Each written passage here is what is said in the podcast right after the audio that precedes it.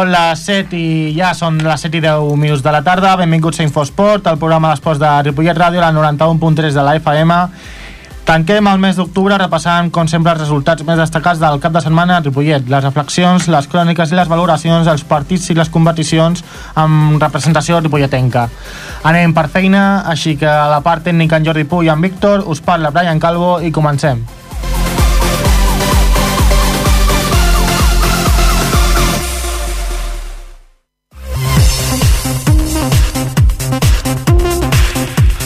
Comencem amb tenis taula, abans de parlar, com sempre, amb el Ramon Argenté i comentar uns resultats. Uh, S'ha disputat uh, un torneig al Zonal de Bascara perquè hi ha hagut, hi ha hagut descans a les competicions de Lliga i hem tingut a, a, la, a la categoria de Lavins a l'Izan Mora tercer i al Marc Miro uh, primer classificat. A la categoria sub-23 el Raül Porta ha sigut també tercer. A la categoria juvenil femení la Mireia Parató ha sigut tercera, l'Aina Moga cinquena, la Lídia Rico sisena i la Helena Parente setena i per últim el juvenil masculí l'Albert Vilardell ha sigut tercer.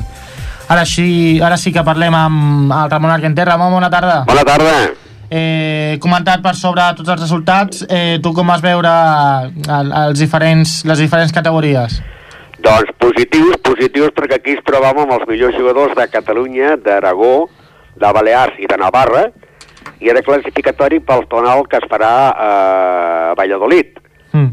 I, esclar, tenia que classificar... Aquí només es classificaven el, el, els 10 primers de cada categoria, i nosaltres, doncs, eh, a l'Evi masculí, el campió va ser doncs, la Mar Miró, i Sani Mora va ser el tercer, doncs, eh, i que s'hi pogués fer un altre pòdio, no? Passa que no, no va ser degut a... perquè primerament es fan... Eh, són sis jugadors per grup, eh, juguen tots contra tots, llavors primer, segon i tercer, tant en nois com en noies, passen ja a eliminatòries, no? El primer passa al 4 directe i els segons i tercers han de fer una, una premi per veure qui passa al 4, no? I resulta que amb noies, doncs, eh, han fet bona, bona classificació perquè de les 8 primeres, 4 de Ripollet. Mm. Però tenint en compte que eh, eh, una miqueta de sort que haguessin pogut arribar a les semifinals les 4 del Ripollet. El que passa que es van tenir que eliminar primerament eh, Elena Parente del Ripollet es va haver d'eliminar amb Lídia Rico va guanyar la Lídia Rico i llavors Lídia Rico es va tenir que d'eliminar amb Aina Mogues i va, i va guanyar la, la Aina, no? Per tant, doncs, eh, clar, això, si guanyes et quedes i si no perds, no? Sí. I hem tingut doncs, l'ocasió de que la, Helena, la Mireia Perotó quedés tercera, eh, l'Aina Moga cinquena, Lídia Rico sisena i Helena Parente setena, que són les vuit que aniran eh, al zonal que es farà a Valladolid. Èxit no perquè, doncs, eh, quatre noies classificades i quatre nois, Sí. tenint en compte que el campió, el campió de sub-23 precisament va ser l'exjugador del Ripollet, eh, Joan Massip. Que el felicitem des d'aquí perquè mm, bueno, és un, un noi de, que ha tingut un passat de Ripolletenc i, és un noi al que se li té molta estima al Sí club. que eh, precisament eh, el Joan Massip eh, va haver de jugar a les semifinals contra, contra Raül Porta.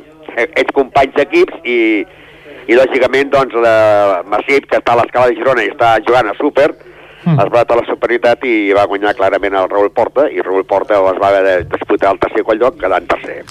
Anem categoria per categoria comentant així una mica com, com va anar tot. Uh, mirant els resultats, uh, la categoria de la Vins, bueno, primer de tot uh, ja hem parlat més d'un cop del Marc Miró, que va ser el primer, però m'ha sorpresa, no hem parlat encara i per la majoria d'oients que no el coneixin, a Alizan Mora, que va ser tercer.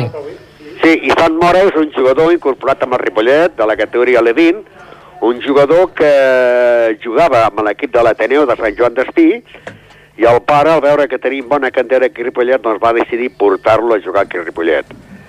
I el degut de jugar amb el Ripollet ha sigut, doncs, eh, doncs mira, classificar-se en el tercer lloc i així puguen anar a aquest zonal. Això en quant a la categoria Levi masculí. A l'Albert Vilardell hem de dir que és primer any de juvenils, primer any de juvenils, i que doncs eh, s'haurà d'afrontar amb jugadors mm, de juvenils que ja porten, que serà alguns últim any de, de, de ser juvenils, i va arribar a la tercera posició, perdent amb el campió, precisament, no? El Mm. Sergi Grau del Natació Mataró. Això és positiu per part de, de l'equip de, de l'equip juvenil masculí. I l'equip femení hem de dir que amb les que va perdre les del Ripollet van ser jugadores que estan jugant a Superdivisió, a Superdivisió, eh? I les nostres, hi ha jugadores veteranes i que estan jugant a Superdivisió i que els nostres és primer any de, de juvenil, no? So, eh, I llavors, lògicament, per mi el resultat és, és molt, molt positiu, tenint en compte que anàvem amb una miqueta de por de que deien potser de les noies passa una o dues i van passar les quatre. Eh, continuant amb l'Izamora, que és eh, bueno, el jugador que més pot ser desconegut no, per, per la resta, per, per els, tant pels nostres oients com per nosaltres, sí. què, què destacaries d'aquest jugador que acaba d'arribar gairebé al, al club? Un jugador que, que, que té les, a l'estil a l'estil de Marc Miró, eh? A l'estil de Miró. El que passa que en moments, en moments de, de, de, de, de guanyar, eh, potser no es, es posa més nerviós que el Marc Miró. Sí. Com si el Marc Miró fos una altra categoria i ja estigués acostumat a jugar finals i semifinals, no?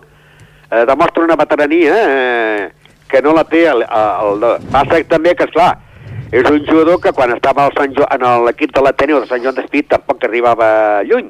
Clar, això t'anava a preguntar, quina ha sigut la seva trajectòria I fins ara? I clar, el pare està content perquè primer any de debut amb el Ripollet i es classifica per, per, per, pels millors jugadors per anar a jugar a Valladolid i aquí ha quedat tercer del zonal que és un torneig on ha, ja dic, que venen jugadors de el millor de Catalunya, el millor de Navarra, el millor d'Aragó i el millor de Balears. Mm. I clar, el seu pare contentíssim, diu, diu, ojalà hagués portat abans, no? Clar, però a, a, a què es deu que ara s'hagi classificat com a tercer i abans no? O sigui, ha sigut un canvi que a, a partir dels entrenaments amb el Ripollet eh, o un, sí, canvi, però, però, o un canvi eh, mental? Eh, no està bé que ho diguem potser, però és, és, és la forma d'entrenar amb el Ripollet. Eh? La forma d'entrenar amb el Ripollet i la forma de que, clar, els rivals que té a Ripollet no els tenia el seu club.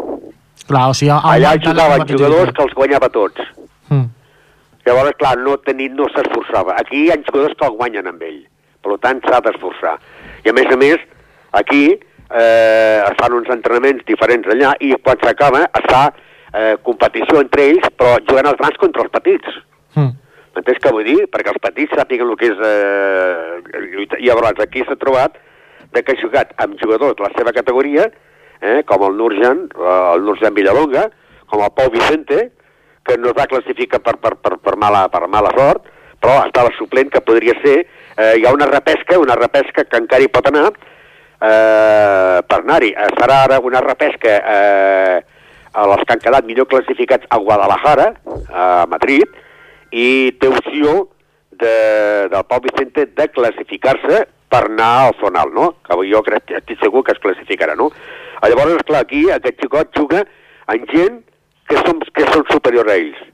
Clar. I això li va bé, li va bé. I en canvi allà ja jugava, els guanyava tots, no, no destacava, no, no, no, l'entrenament no era positiu. I aquí és positiu perquè perd i, i guanya. I sobretot perdent en gent més bona que tu, estan aprenent. Clar, sobretot el més sorprenent és que ha sigut en molt poc temps. En molt poc temps aquest noi eh, no només s'ha canviat els seus resultats en, en grans tornejos com aquests, sinó el seu nivell, que ha, ha augmentat. Eh, doncs felicitem a l'Izamora. Del, del Marc Miró, tots més o menys ja el coneixem una mica i eh, podíem esperar no, aquest resultat, o com a mínim que estigués entre els primers.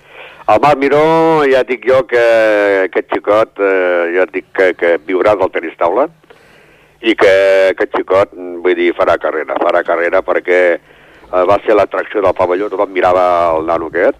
Mm. És un jugador que és primer any de la 20, primer any de la 20, i es va carregar a jugadors que, que era últim any de la 20, no? Eh? Sí. I a més a més, jugant bé, no? I va ser l'atracció la, l'atracció d'aquest campionat, un campionat que va començar el divendres i va acabar ahir a, la, a les 9 de la nit i l'entrega de premis i a les 11 arribàvem a casa. Clar, jo m'imagino que ja l'objectiu del club amb aquest noi, més enllà de, òbviament, de continuar la seva formació, és gaudir d'ell els màxims d'anys possibles, perquè tindrà sí. darrere a, a, a diferents clubs. Sí, i aquest xicot venia de l'Horta, és fills d'Horta, i els pares van, van venir aquí, van portar amb ell el seu germà, el Roger, el Roger Miró, que, que juga a la segona nacional, i els pares estan molt contents d'aquí, molt contents d'aquí per allò que dèiem, eh, té nivell per jugar amb els que, perquè juga aquí partits d'un altre que també perd. Mm. Mateix que I això és el bo d'un jugador, eh? no, no solament de la categoria infantil, de qualsevol jugador, inclús de la superdivisió, si tu tens si tu ets el número 1 del club i jugues amb gent que et pot guanyar, és millor, perquè si jugues, si jugues amb gent que sempre els guanyes, jo dic que més d'entrenar et desentrenes. Clar, baixa el nivell competitiu. Ah, aquí està, tu ets el superior i ja no t'esforces perquè sempre el guanyes. En canvi, quan jugues amb dos o tres que perds, ja t'has d'esforçar més. I és el cas del Ripollet, de que afortunadament ja fa anys que som de les millors canteres no solament de, Cat de Catalunya, sinó d'Espanya, en cantera, Mm. eh, tant en masculí com femení, i mira, ara mentre estava parlant aquí per telèfon, s'ha ha- s'ha vingut a apuntar una jugadora de Sant Cugat del Vallès aquí a Ripollet. No sé, el club és, continua sent tan atractiu per la seva manera de una noia, doncs ha vingut ara, està aquí a l'oficina parlant de que vol jugar amb nosaltres i ha deixat, deixa el club de Sant Cugat de Vallès per venir amb nosaltres. Això et demostra sense anar a buscar ningú. Aquí venen sense anar a buscar ningú, m'entens què vull dir? Ells internet, miren per internet, veuen com està, i a més coneixen el Ripollet, aquesta noia que Sant Cugat i que ja estava allà ahir a Bàscara, Mm. mm. doncs em va dir, escolta, demà vindré a fer una de Ripollet. Mira, i ara mateix estava aquí a Ripollet ja omplint papers per quedar-se aquí a Ripollet. Doncs mira, una I nova sense soci del incorporació. club, a més a més, eh? Que és l'important, perquè se n'hi ha calés també malament la cosa, no? Exacte. Eh, continuem i, i com a representant del primer equip del tenis taula Ripollet eh, teníem el Raül Porta que va ser tercer eh, un bon resultat, es classifica per Valladolid però què creus que li va faltar doncs, per arribar a la final? Home, doncs que va jugar amb gent bona, perquè els que va jugar són jugadors que juguen a, a Superdivisió, eh? Mm. Clar, tots, totes les categories avui dia, tant a Catalunya com a, com a la resta d'Espanya, Aragó, eh, Balears i Navarra, que són els jugadors que van haver de venir aquí a Ripollet, perquè això es va fer en quatre ciutats d'Espanya. Una va ser Bàscara, que va agafar aquests jugadors, Catalunya, Aragó, a Balears i Navarra. I altres clubs van anar d'allò, no? Són quatre posicions, no? Sí. Llavors, clar, aquí van venir els jugadors de Catalunya, que n'hi ha molts que estan jugant o, o a Divisió de Nord o a Superdivisió. I llavors ja tenim, doncs clar, eh, imagina't tu, el, el primer, eh, quan el sub-23 va ser el, el, el jugador de l'escala, el Joan Massip, Mm. i un altre jugador que està despuntant molt, molt, molt, molt, molt, és l'Albert Sales de Lluïsos de Gràcia, i el quart classificat, precisament, que és el que va guanyar el Raül, és el Jordi Jason Ramos, que fins ara ha estat jugant a, a la Superdivisió amb el Mataró, i que a l'actual- a l'actualitat juga a Divisió Nord amb el Mataró. Vull dir que, esclar, eh, quatre jugadors que estan jugant, dos a Super i, i dos a, a Divisió de Nord, no? A part de que abans d'arribar aquí, eh, en els teus grups ja et va tocar jugadors d'aquestes categories, no? Mm. A més, bueno, també hi ha el component, per exemple, eh, sa sabem que el, el Jordi, per exemple, és molt, molt amic del, del Raül i jo crec que Sí. això també doncs, eh, influeix una mica, no? En Sí, la- perquè... Sí, però està, però quan estan a taula són molt amics, però quan són a taula surten a morir. El Jordi Jason Ramos va estar molts anys fent parella en dobles amb el, amb el Raül Porta, amb el Exacte, Ripollet. exacte. saps? I el que passa que, clar, quan estàs allà i ara se'l tornen a trobar. Uh, la setmana que ve, el Ripollet, a Divisió d'Honor, juguen contra, contra la, mirant aquí al calendari, contra el Mataró. Mm. No? Vull dir que allà també aniran a vida o mort.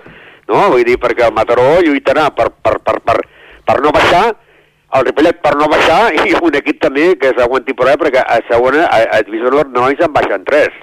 Mm. M'entens què vull dir? No, esclar, quan estàs a la taula tu, escolta, el pare vol guanyar el fill, m'entens què vull dir? Sí, sí, convé. Exacte, exacte. No hi ha, no hi ha, aquí no hi ha... La, la competició és el primer. Jo sempre dic que en aquesta competició el més tonto fa rellotges. Exacte. Ja per acabar, Ramon, eh, les dues últimes preguntes. Primer, de cara al torneig de Valladolid, eh, previsions més o menys que espereu? Mira, allà tenim classificats eh, vuit, eh, vuit jugadors. Jo crec que dels vuit jugadors, eh, eh, amb noies potser podem classificar tres. Tres per l'esta- per l'estatal de... Poden ser dintre, quedar dintre dels vuit primers. Allà, eh, home, si es guanya és millor, no? Mm. Però jo crec que podem estar... Tots els jugadors, si no quasi tots, podrien estar dintre els vuit millors d'Espanya. Ja no dic quedar campions, eh? Mm. Dintre. I quedar dintre els millors vuit d'Espanya ja és un èxit si vas amb quatre noies i de les quatre queden dintre els vuit millors d'Espanya. No, home, exacte. M'entens què vull dir? Abans les més categories és un, un de sub-23, un de, del vell del vell, que també el veig dintre dels millors d'Espanya, i el Marc Miró, que jo el veig eh, primer o segon d'Espanya. O sigui, afronteu amb, amb ambició la, el torneig de Valladolid. Sí, sí, sí. sí I sí, ja sí. per, a- la, la, per acabar, eh, la propera setmana deies el primer equip del tenista de la Ripollet masculí que juga amb el Mataró, eh, partit difícil, oi? Sí, difícil, perquè clar, estan a la zona de que ningú vol, ningú vol perdre. Perdó, perdó, ah, no.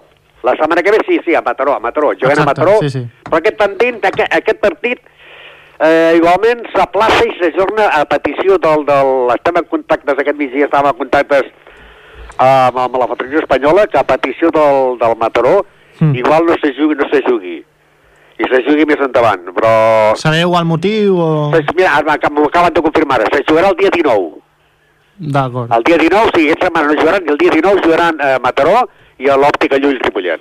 Precisament m'acaba de confirmar el Miquel Arnau, que quan aquest matí migdia estàvem parlant amb l'altra Federació Espanyola, Mm. perquè eh, ha sigut a petició de l'equip del Mataró. Sabeu a què es deu la petició? No, no, no, no. se'ls ha demanat si es podia plaçar el partit i jugar el dia 19. Nosaltres sempre eh, diem que sí a totes les coses, sempre Mm. que puguem diem que sí, però esclar, ho has de notificar eh, abans de la federació, no? Ho he notificat, ho hem parlat amb la federació, a la federació diu que ho deixa el gust nostre i nosaltres hem dit que sí, i ara Miquel m'acaba de confirmar doncs, que sí que se jugarà el dia 19 a Mataró. I les noies tenen jornada de descans. Bueno, doncs mira, un altre cap de setmana en què per unes coses o per altres doncs el, descansaran eh, els jugadors i jugadores. Sí, anirà bé perquè doncs, el Miquel Arnau o un d'aquests millor reforça l'equip de segona nacional per intentar guanyar partits per no baixar. Clar, perfecte, llavors. Doncs Ramon, moltes gràcies per atendre'ns i continuem parlant en les properes setmanes. Com sempre, gràcies a vosaltres. Fins una altra. Fins una altra, adéu-siau.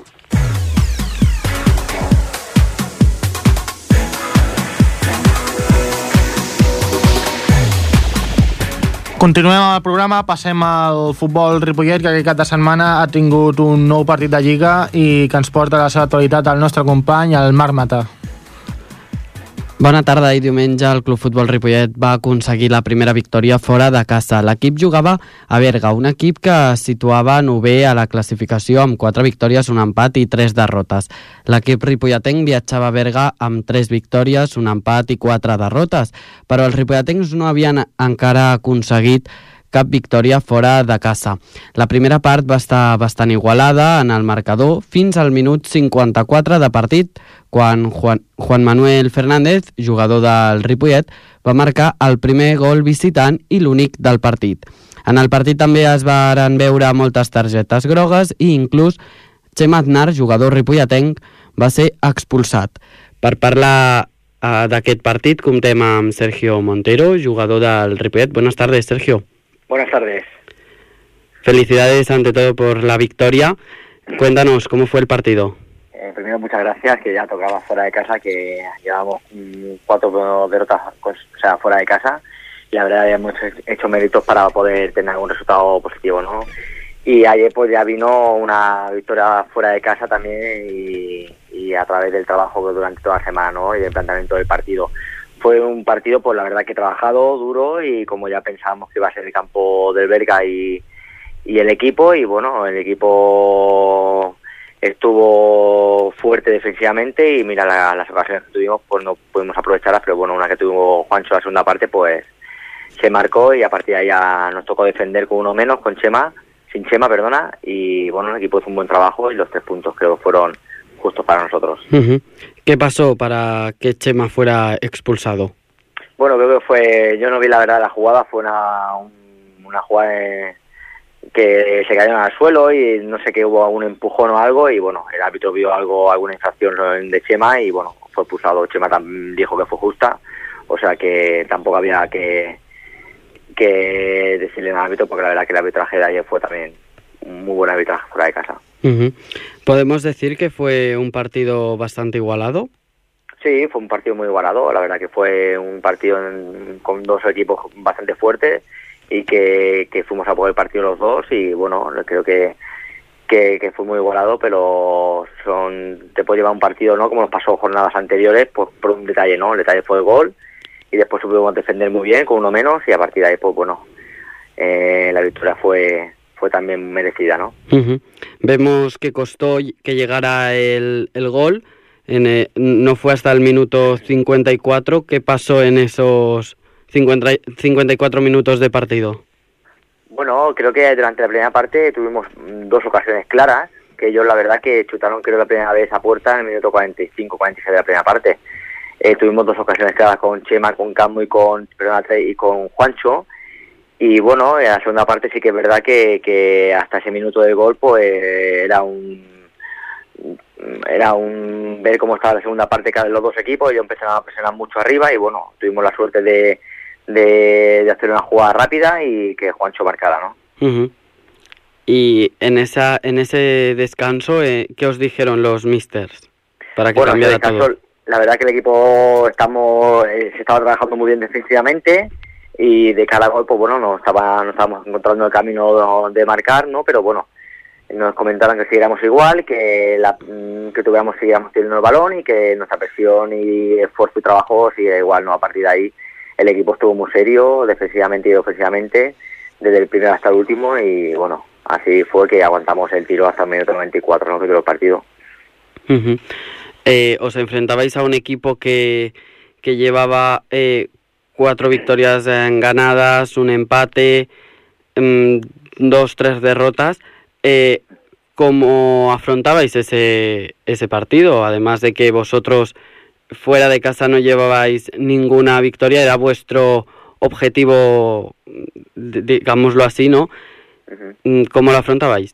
Bueno, la verdad lo afrontamos durante toda la semana como una final, porque el punto del domingo anterior contra Mata de Pera lo tenemos que hacer bueno esta semana dando fuera, y era ganar fuera ya de una vez, ¿no? Después de cuatro semanas creo que hay un partido muy merecido, de, de, o sea, que no ganábamos, y creíamos que para no descolgarnos de los de arriba más o menos era tener que ganar, ganar y, ya pensar en el domingo siguiente no en casa.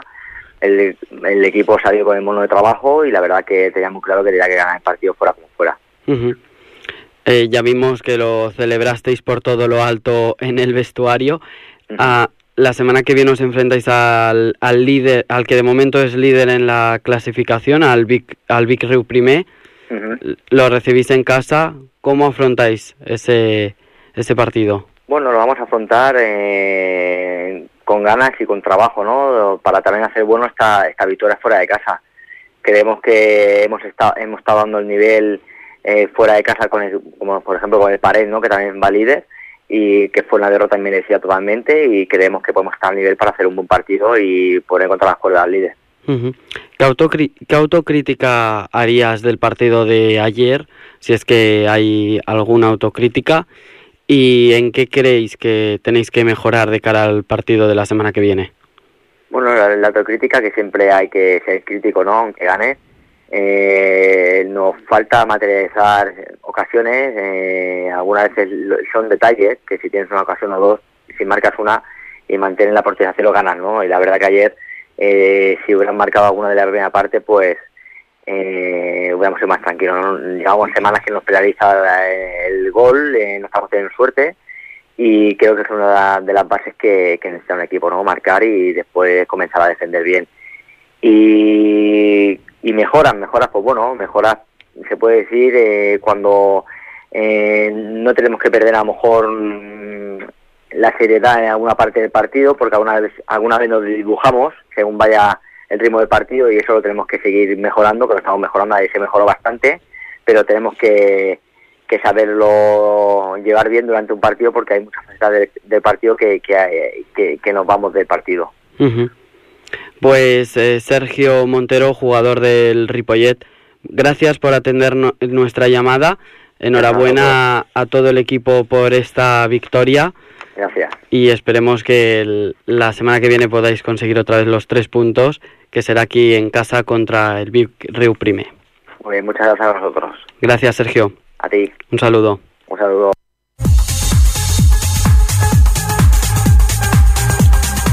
Gràcies, Marc. I canviem d'esport, passem al bàsquet, després tornarem amb el futbol, eh, però ara parlem amb el bàsquet, eh, de l'actualitat del Club de Bàsquet Ripollet, i per això tenim el nostre company, l'Àngel. Àngel, bona tarda. Bona tarda. Doncs comencem. Doncs comencem, i comencem amb el uh, CB Ripollet Tapas Maverick, el masculí que va guanyar 88 a 81 a la, a la B, al Vendrell. Inici esclatant de partit amb un Vendrell que no era capaç de fer front al ritme del CBR, que amb atacs ràpids i efectius sorprenia els penedesencs. Ortega i Vilanova eren els mestres de cerimònia del Festival Ofensiu Blau. Afluixaven els locals al segon i els penedesencs apaivaгаven la tempesta i amenaçaven el marcador. Però si, els bàsquets, si el bàsquet són moments, el moment següent tornava a ser d'Albert Ortega que enfilava als 10 punts la diferència. Tan sols el tir exterior mantenia les constants vitals visitants, 52 a 41 al descans amb la pregunta de fins on serien capaços d'aguantar els del Vendrell. Represa igual d'elèctrica, però amb el cansament afectant el percentatge d'encer ofensiu. El CBR aguantava l'escomesa rival, però s'anava carregant de faltes al lloc interior, víctimes també d'un arbitratge irregular. Els, penedens, els penedesencs no s'arronsaven i a poc a poc feien la sensació de ser més forts a mesura que el joc interior blau s'afablia. Als dos minuts del darrer període, els visitants es posaven a 3 minuts, tot i que la mà del capità alleugia el Berneda. Alarma blava amb l'expulsió per 5 faltes i pràcticament seguida de, de, dels dos centers que feia que els blaus haguessin de competir al partit fiant-ho al coratge, l'orgull i sobretot a un Vilanova que va, que va cedar l'atac i va esdevenir protagonista ofensiu dels darrers minuts, a vegades, excessivament. Però els blaus se senten bé, sobretot si Álvarez i Ortega acompanyen i Santana incordia. 88 a 81 i 6 a 0 al balanç. Aquestes eren les declaracions de David Garcia al final del partit.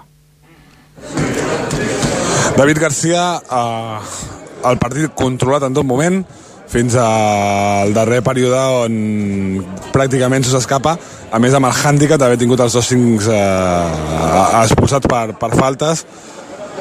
No sé si té un millor gust avui havent-ho guanyat així que no amb la tranquil·litat que duia fins al tercer quart. Sí, sí, el gust eh, per nosaltres avui jo crec que hem, eh, crec que aquest és el nivell que ens exigiran els, els, els equips de dalt i, i davant d'això doncs, hem d'estar de, tots molt contents i felicitar-nos perquè si amb aquest equip que crec que té el nivell dels equips més davanters de la Lliga hem pogut competir i hem sabut portar el partit i endur-nos la victòria doncs no queda més que felicitar-nos i continuar en aquesta línia. Molt important. Uh, Albert Ortega ha agafat el protagonisme a la primera part i important el protagonisme de, de Roger Vilanova cedant el partit quan estava més nerviós, tranquil·litzant a tothom i assumint la responsabilitat en els minuts en què jugadors com ell potser ho han de fer. Què pot dir d'això, Àngel? És, és fantàstic comptar amb aquests dos jugadors perquè eh, veus que el partit no comença del tot com havies plantejat, bueno, sí que comença com havies plantejat, però veus que està sota, a sota, per sota en el marcador els, els darrers 4, els primers 4 minuts, però tot i així no es posen nerviosos, Roger agafa la manera de l'equip, eh, gestiona els tempos perfectament, atac, defensa, Albert superendollat, eh, a un nivell fantàstic i bueno, és que no tenim més que felicitar-nos per tot això. Partit amb molt de ritme, molt. Sí, ja sabíem que aquest equip ens plantejaria aquest, aquest tipus de partit i bueno, al final el millor que podem destacar del, del nostre joc és que al final sabem adaptar-nos a aquestes circumstàncies, sabem competir sota aquestes circumstàncies i endur-nos la victòria. Moltes felicitats, David, i que segueixi el 0 en la casella de partits perduts. Tant de bo, tant de bo i ho veiem. Merci. Fins i tot ens va bé, perquè al final potser ens Necessitàvem... Parlàvem també amb el cantarà Jordi Puig, que ens deia el següent. Parlem també amb Jordi Puig, eh, jugador del B, que porta ja tres partits amb el primer equip i que a poc a poc doncs, va assentant-se també a la primera plantilla. Jordi, com et sents? Bueno, la veritat és que agraïm moltes gràcies a l'entrenador, que confia en mi i anar sumant partits i minuts perquè algun dia estar amb tots ells, que han sigut part dels meus entrenadors que m'han format a la infància. Com et sents en els entrenaments, els partits? Bueno, sí que em sento una, una mica fluix amb tots ells perquè tenen més experiència que jo perquè porten més anys jugant però crec que dintre d'uns anys si acostumo a jugar amb ells crec que podria estar al nivell. Que sàpigues que alguns que t'estan cridant per fora, després quan els hi porto el micro no responen. bueno, portem-los ara a veure què diuen. Moltes felicitats i a seguir consolidant-te amb la teva feina aquí al, al Senyor A. Moltes gràcies, a vosaltres. Tercer lloc provisional i sis victòries en sis partits. Proper partit que de fet podria ser dimecres o, o dijous o fins i tot la propera setmana quan eh, es disputés el partit de plaçat de l'1 d'octubre contra l'Esfèric de Terrassa. Pendents estarem de la resolució de la Federació Catalana de Bàsquet, perquè de fet a l'Esfèric, si, anem, si vas a la plana web, teòricament estan programats el partit de l'Esfèric té programats dos partits contra el CB Ripollet i el Vendrell el mateix dia, amb la qual uh, Una mica difícil. és complicat que coincideixin, sembla ser que jugaran contra el Vendrell i veurem uh, quan es juga aquest Esfèric de Terrassa CB Ripollet pendents d'això, el proper dissabte a Navàs a les 7 de la tarda contra el CB Navàs. El Navàs és segon, eh, el CBR és tercer, però el CBR té un partit menys, en tot cas, partides al Bages. D'acord, anem Canviem de gènere i anem al CB Ripollet Sandacos, que va perdre ahir 69 a 63 a la pista del nou Esplugues en un partit igualat amb final polèmic que ens explica l'Eric Voltà, segon entrenador. Partit emocionant el disputat ahir pel sènior femení a la tarda davant el Club Bàsquet Nou Esplugues, un dels equips que al nostre parer lluitarà per pujar a primera catalana. Arribem al partit amb les absències per lesió de Júlia Gil i per malaltia de Júlia Coy i amb problemes físics de Tania Lara. L'entrada al partit va ser boníssima i tres triples d'Anna López, que mantenia el nivell de la setmana passada, ens van col·locar amb un avantatge de 10 a 17. Al final del primer quart es va arribar amb igualtat a la pista i al marcador. Al segon quart, la bona intensitat defensiva no va ser suficient i es va arribar al descans amb un desavantatge de 6 punts, ocasionat pel desencert en atac i errors en passades horitzontals a mig camp que van facilitar cistelles fàcils de les plugues. Tot influït per una defensa al límit del reglament de l'equip rival sobre les nostres bases, que no era penalitzada. Al sortir del descans, l'equip es va refer comandat per Marina García i Mèriam Lara. L'equip era clarament superior a la pista, però la mala recuperació defensiva després de Cistella va permetre notar fàcilment a les jugadores rivals. D'aquesta manera arribàvem al darrer quart amb un punt de desavantatge, igualtat que es va mantenir fins als últims minuts quan dos triples de l'equip rival semblaven decidir el partit. Les noies, però, no es van rendir i a falta de 40 segons, Mèriam Lara anotava un triple que ens col·locava a dos de distància. A partir d'aquí, la protagonista va deixar de ser la pilota i va passar a ser el xiulet, que va concedir 7 tirs lliures en 20 segons a l'equip rival, amb una antiesportiva molt rigorosa i una tècnica, també molt rigorosa, incloses. Una llàstima, ja que el partit mereixia que les noies disputessin el marcador fins al final. En aquest cas, el partit disputat es va decantar en contra nostra per 6 punts de diferència. Sortim amb sensacions agredolces, ja que ens hem adonat que probablement podrem competir amb tothom en aquesta lliga, però se'ns escapa una victòria que ens hauria distanciat del capdavant de la taula. De moment seguim com a líders de facto de la classificació amb 5 victòries i dues derrotes.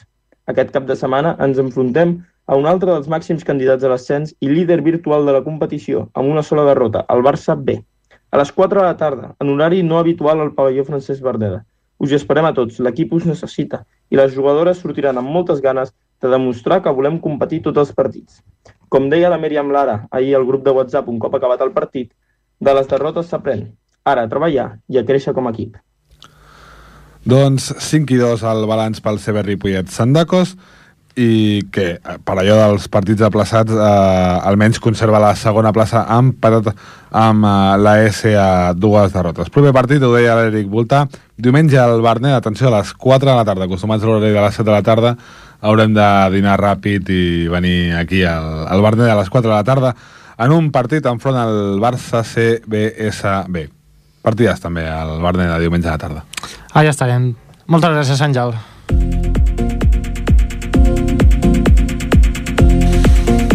Tornem amb el futbol i comentem el que ha sigut el derbi de, de futbol d'aquest cap de setmana aquí a Ripollet. El Can Mas Escola de Futbol Base de Ripollet i ens porta la crònica del partit el nostre company, el Marc Mata. Ahir diumenge en el municipal es va viure un partit molt important, ja que s'enfrontaven dos equips de Ripollet, el Camp Mas i l'Escuela, i això va fer que hi hagués molta expectació a les grades. Estava clar que els tres punts es quedarien a Ripollet, però no se sabia si seria pel, pel Camp Mas o per l'Escuela. Va ser un partit intens en el joc, amb ocasions clares per amb dos equips que, que no acabaven de materialitzar-se i unes, i unes quantes targetes grogues. Fins i tot, un cop finalitzat el maig, va haver una baralla entre aficionats. Els tres gols van arribar a la segona part. El primer, en el minut 67, en pròpia porta, marcat pel jugador de l'escola Carlos Grillo. El segon gol va ser al minut 72, marcat per Eron Gómez, jugador de l'escola. I al minut 89, un minut abans del final del partit, Ángel Vera va desempatar el marcador i va donar la victòria al Camp Mas. Eh, al final del maig, Juan Luis Mesa, jugador del Camp Mas, mo molt estimat pels nens, ja que també és youtuber, va valorar el maig eh, davant els micròfons d'Infosport. Pues la verdad es que estamos contentos con los tres puntos porque ha sido un partido muy difícil. De hecho, yo creo que en muchas fases del partido han sido mejores que nosotros. Pero bueno, mira, al final hemos conseguido ganar, que lo, lo importante, in extremis, en el último minuto prácticamente, así que contento. Vemos que eres la estrella de, del campo, mm, por lo que sabemos, porque tienes un, un canal de YouTube. Bueno, ¿cómo valoras toda esta expectación? Bien, la verdad es que, a ver, si te soy sincero, a la hora de jugar cuesta un poco, ¿no? Pero bueno, yo qué sé, la verdad es que muy contento porque toda la gente es muy maja, muy simpática, así que bien, la verdad es que me gusta. Os ha costado la primera parte, una parte que ninguno de los dos habéis podido marcar gol, pero después sí que habéis vosotros superado el partido, ¿no? Sí, la primera parte yo creo que ellos, bueno, como te he dicho antes, han sido mejores que nosotros, pero la segunda parte ha sido, se puede decir que un poco fea, ¿no? O sea, ha habido poco juego, poco, pocos tiros a puerta, pero bueno, al final hemos marcado, así que bien, la verdad es que bien. ¿Cómo afrontabais este partido? Pues queríamos ganar, pero ya sabíamos de sobra que iba a ser un partido difícil. Los derbis siempre son difíciles, siempre, siempre. Los tres puntos iban a quedar en Ripollet, pero no se sabía hasta, hasta dónde. Sí, exacto, exacto, exacto. Así que contento. ¿Cómo afrontáis el próximo rival? Pues bueno, la verdad es que bien, o sea, necesitábamos ganar si queremos seguir arriba, porque nos sacaban seis puntos los líderes. Ahora con esta victoria no sé exactamente qué es lo que han hecho los rivales, pero bueno, la verdad es que necesitábamos, si queremos estar arriba, teníamos que ganar y lo hemos conseguido. Qui també va valorar el partit davant els micròfons d'Infosport va ser Carlos Grillo, jugador de l'escuela i protagonista del primer gol marcat en pròpia porta. Ha sido un partido muy intenso, es un derby. O sea, los derbis tienen esto: eh, ataca, defiende, ataca, defiende, ataca, defiende, un ataque y gol. Es un derby, los derbis son así. Era un derby, se sabía que los tres puntos iban a quedar en Ripollet sí o sí, sí, sí. pero no se sabía si para el Camp Mas, si para la escuela. Eso va como va, los derbis, aunque uno vaya primero o otro último, le puede dar la vuelta a la tortilla en un momento. Es lo que tienen estos partidos. Eh, la primera parte os ha costado a los dos equipos, en la segunda habéis marcado un gol vosotros, dos eh, la, la, escuela y final, ay, perdón, dos el Camp Sí, Mas. la escuela, sí. Me he metido en propia. dos, eh, dos el Camp Mas. Eh, Bueno. Y la victoria ha sido para ellos. Sí, bueno, la victoria ha sido para ellos, puede haber sido para nosotros como para ellos. Y mira, se le han llevado los tres puntos, hay que saber perder también. Y nada, a seguir trabajando, o sea, es lo que hay. Hay que trabajar, trabajar y la semana siguiente pues tres puntos más. Hay que ir a luchar por los tres puntos. No tenemos otra. De todas maneras, el partido habéis tenido oportunidades Sí. los dos equipos. Sí, sí, ha habido bastantes oportunidades, pero bueno, la pelota no quería entrar. Y cuando no quiere entrar, no quiere entrar, no hay, no hay más. Un partido con mucha afición. Nos comentaban desde el Camás que ellos no están acostumbrados a tener tanta afición. Durante el partido solo hemos podido ir al entrenador. Vosotros algo sí, porque Sí, la sí. gran mayoría de, de la afición podríamos decir que era de... Sí, en los partidos en casa tenemos bastante afición, la verdad. Y bueno, a ser un derby, Camar ha traído su afición, nosotros hemos traído la nuestra y bueno, el partido ha estado bastante bonito. Está muy bien. ¿Cómo afrontabais eh, esta semana el entrenamiento de cara a hoy? Un partido más, un partido más. Son tres puntos. Da igual el equipo, son tres puntos. Al final, el fin de la semana, son tres puntos, no hay más. Próximo partido, ¿cómo lo afrontáis? Pues más de lo mismo. A seguir trabajando y a ver si tenemos más suerte y entra la pelota. Es que no. Hay que trabajar duro, muy duro. ¿Veis que es un equipo fuerte el próximo rival? Bueno, todos son, todos son fuertes. Lo importante es que nosotros estemos bien ese partido y ya está. ¿En qué tenéis que mejorar eh, de cara al próximo partido? Que entre la pelota. Es lo que nos falta, que entre la pelota y ya está. Hemos estado bien, el partido hemos tenido la pelota, hemos estado bien, el pasado hemos dado dos palos y bueno, no había suerte.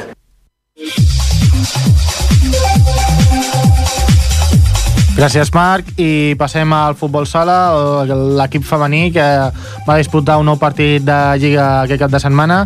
Ens porta la crònica la nostra companya, la Inés Sánchez. Inés, bona tarda. Bona tarda. Ahir el femení de futbol sala es va enfrontar contra el CatCast. El Ripollet va sortir amb Sílvia Sánchez de portera, Clara Pedral, Sara Hernández, Carlota Moloec i Nerea Oruj. El CatCast va sortir amb Maribel Sepúlveda de portera, Sílvia Martínez, Laia Martínez, Cristina Moreno i Maria Palau. El partit es va complicar a l'inici amb un gol al minut 2 de Sandra Alegre, que posava amb un 0-1 al marcador. No obstant, aquesta primera part va haver-hi un domini de les locals i l'empat no va trigar en arribar. Amb un gol de Sara Hernández, les locals van continuar gaudint d'ocasions fins que Maria Palau va marcar el segon gol al minut 14, posant el 2 a 1 al marcador. Seguidament, i sense deixar passar ni gairebé un minut, es va produir el tercer gol de les locals, amb aquest resultat va acabar la primera part, 25 minuts, on les locals van saber remuntar el partit i van tenir un domini absolut. Diferent va ser la segona part, en la qual es va veure un ritme molt més pausat. Sobretot en els primers minuts, el Catcàs va atacar amb molta més força. No obstant, les locals van saber parar-les amb una actuació defensiva bona, encara que la primera part va ser molt més intensa, en la segona part van continuar havent-hi gols per part de les locals. Al minut 32 de partit, Zaida González va marcar el quart gol de les locals, donant-los ja un, una clara avantatge sobre les visitants, però el partit no va quedar així. Nerea Oruch va marcar el cinquè gol de les locals i no va passar ni un minut que un altre cop Esther Jimeno va marcar el sisè gol. Finalment, el Catcas va poder marcar el seu segon gol i acabava així el partit amb un 6 a 2 al marcador. Aleshores, amb aquesta última victòria, es situa el Ripollet en sisena posició a la classificació, tot i que amb un partit menys perquè no van jugar la primera jornada. Tenen un total de 6 punts, una derrota enfront les Corts per 1-2 i dues victòries davant el Saló i, i el Catgas. Ara parlem amb Sara Hernández, la autora del primer gol. Primero de todo, ¿cómo valoras el partido? Bueno, está un partido bastante igualado al inicio. Lo que luego hemos empezado a tocar balón y bueno, a jugar un poco con pelota, que es lo que nosotras sabemos hacer. Y sin salirnos del partido, pues hemos, hemos ido sumando. De la primera parte a la segunda ha habido un gran cambio, o sea, la primera habéis estado mucho más activas que la segunda, ¿a qué crees que se debe?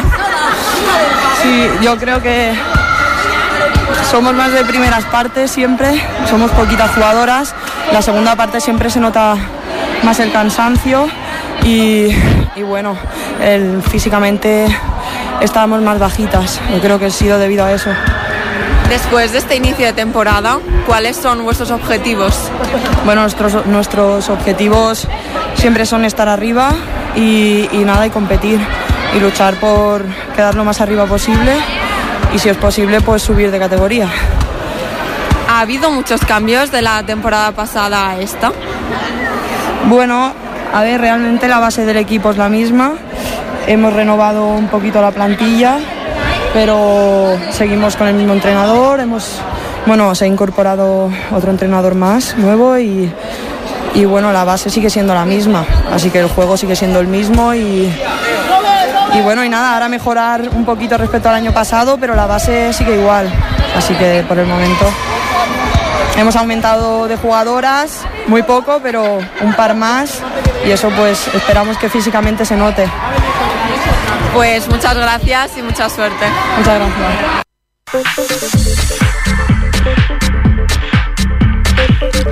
Gràcies, Inés. I per tancar el programa d'avui, eh, comentar doncs, un, una competició del Club de Patinatge Artístic de Ripollet, que, però de fa dues setmanes, i comentem els resultats que, que es va celebrar al Palau Poliesportiu de Riazor, a la Corunya, el Campionat d'Espanya de les categories a la vida infantil, on el Club de Patinatge Artístic Ripollet estava representat per quatre patinadores de, dins de les diferents categories. En categoria infantil femenina, eh, Elna Francès es va proclamar campiona després de realitzar dos grans programes amb un total de 324 punts. L'Elna va aconseguir col·locar-se en segona posició després d'un bon programa curt i va mantenir aquesta posició després d'un elaborat programa llarg.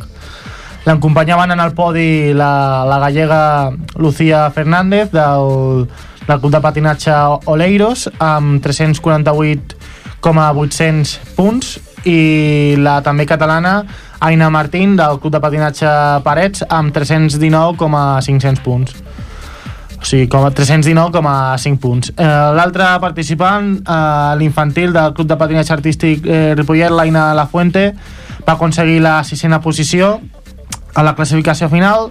Precisament la- l'Aina La Fuente participarà a la Copa d'Europa que, eh, bueno, que ja s'ha celebrat aquest, aquest final de mes eh, en aquest cap de setmana a Portugal. Per últim, a la categoria de la B va estar representada la Club de Patinatge Artístic Ripollet per la Paula Roman i la Mireia Sánchez. Uh, la Paula Roman va, ser, va aconseguir la setena posició i la Mireia Sánchez va aconseguir la, la, a la, va, arribar, va acabar a la posició número 14 respectivament i a la seva primera participació de, en un campionat nacional de les dues, tant de la Paula Roman com de la Mireia Sánchez.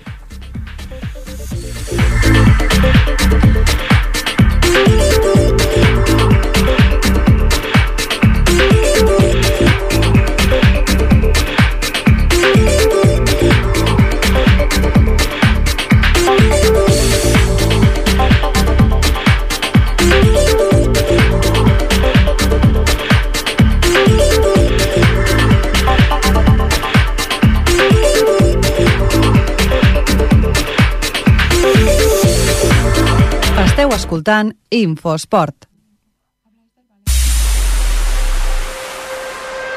I fins aquí acaba el programa d'avui. Moltes gràcies a tots els oients que ens ha acompanyat eh, en un dilluns més i eh, així acabem el, el mes d'octubre. Ens, ja ens tornem a, a trobar a la ràdio, ens tornem a escoltar ja al, al novembre eh, i, i poc més a dir. Eh, eh, que gaudiu d'una molt bona setmana, eh, que vagi molt bé la castanyada i el Halloween i res més. Eh, molt bona setmana i molt bona ràdio.